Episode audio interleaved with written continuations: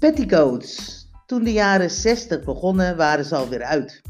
De petticoats, de luchtig deinende tulle niemendalletjes, maakten plaats voor de strak belijnde mode.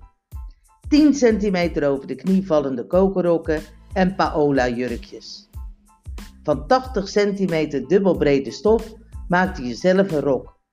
Voor een jurkje had je twee keer die hoeveelheid nodig. In petticoats ging aanzienlijk meer stof.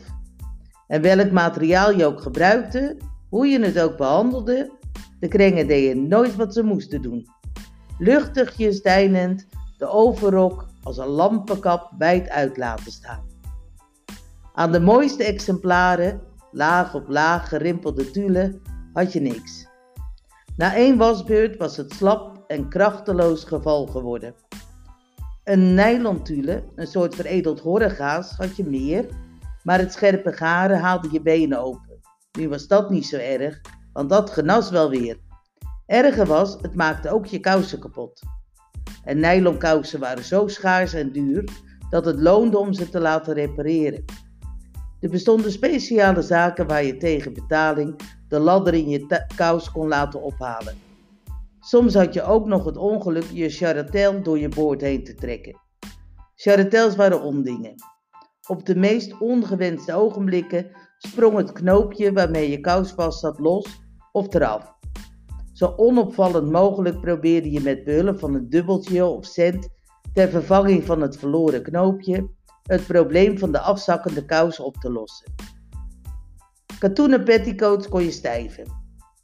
De petticoat kletsnat uit de extra sterke stijfseloplossing gehaald, werd op de strijkplank stukje voor stukje droog gestreken.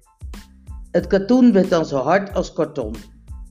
Maar ook dit was maar van korte duur. Zodra je het even had gedragen, verloor het materiaal aan kracht en werd weer slap. Onder in de petticoat werd nu een extra zoompje gemaakt. Daardoorheen ging een stukje spiraal.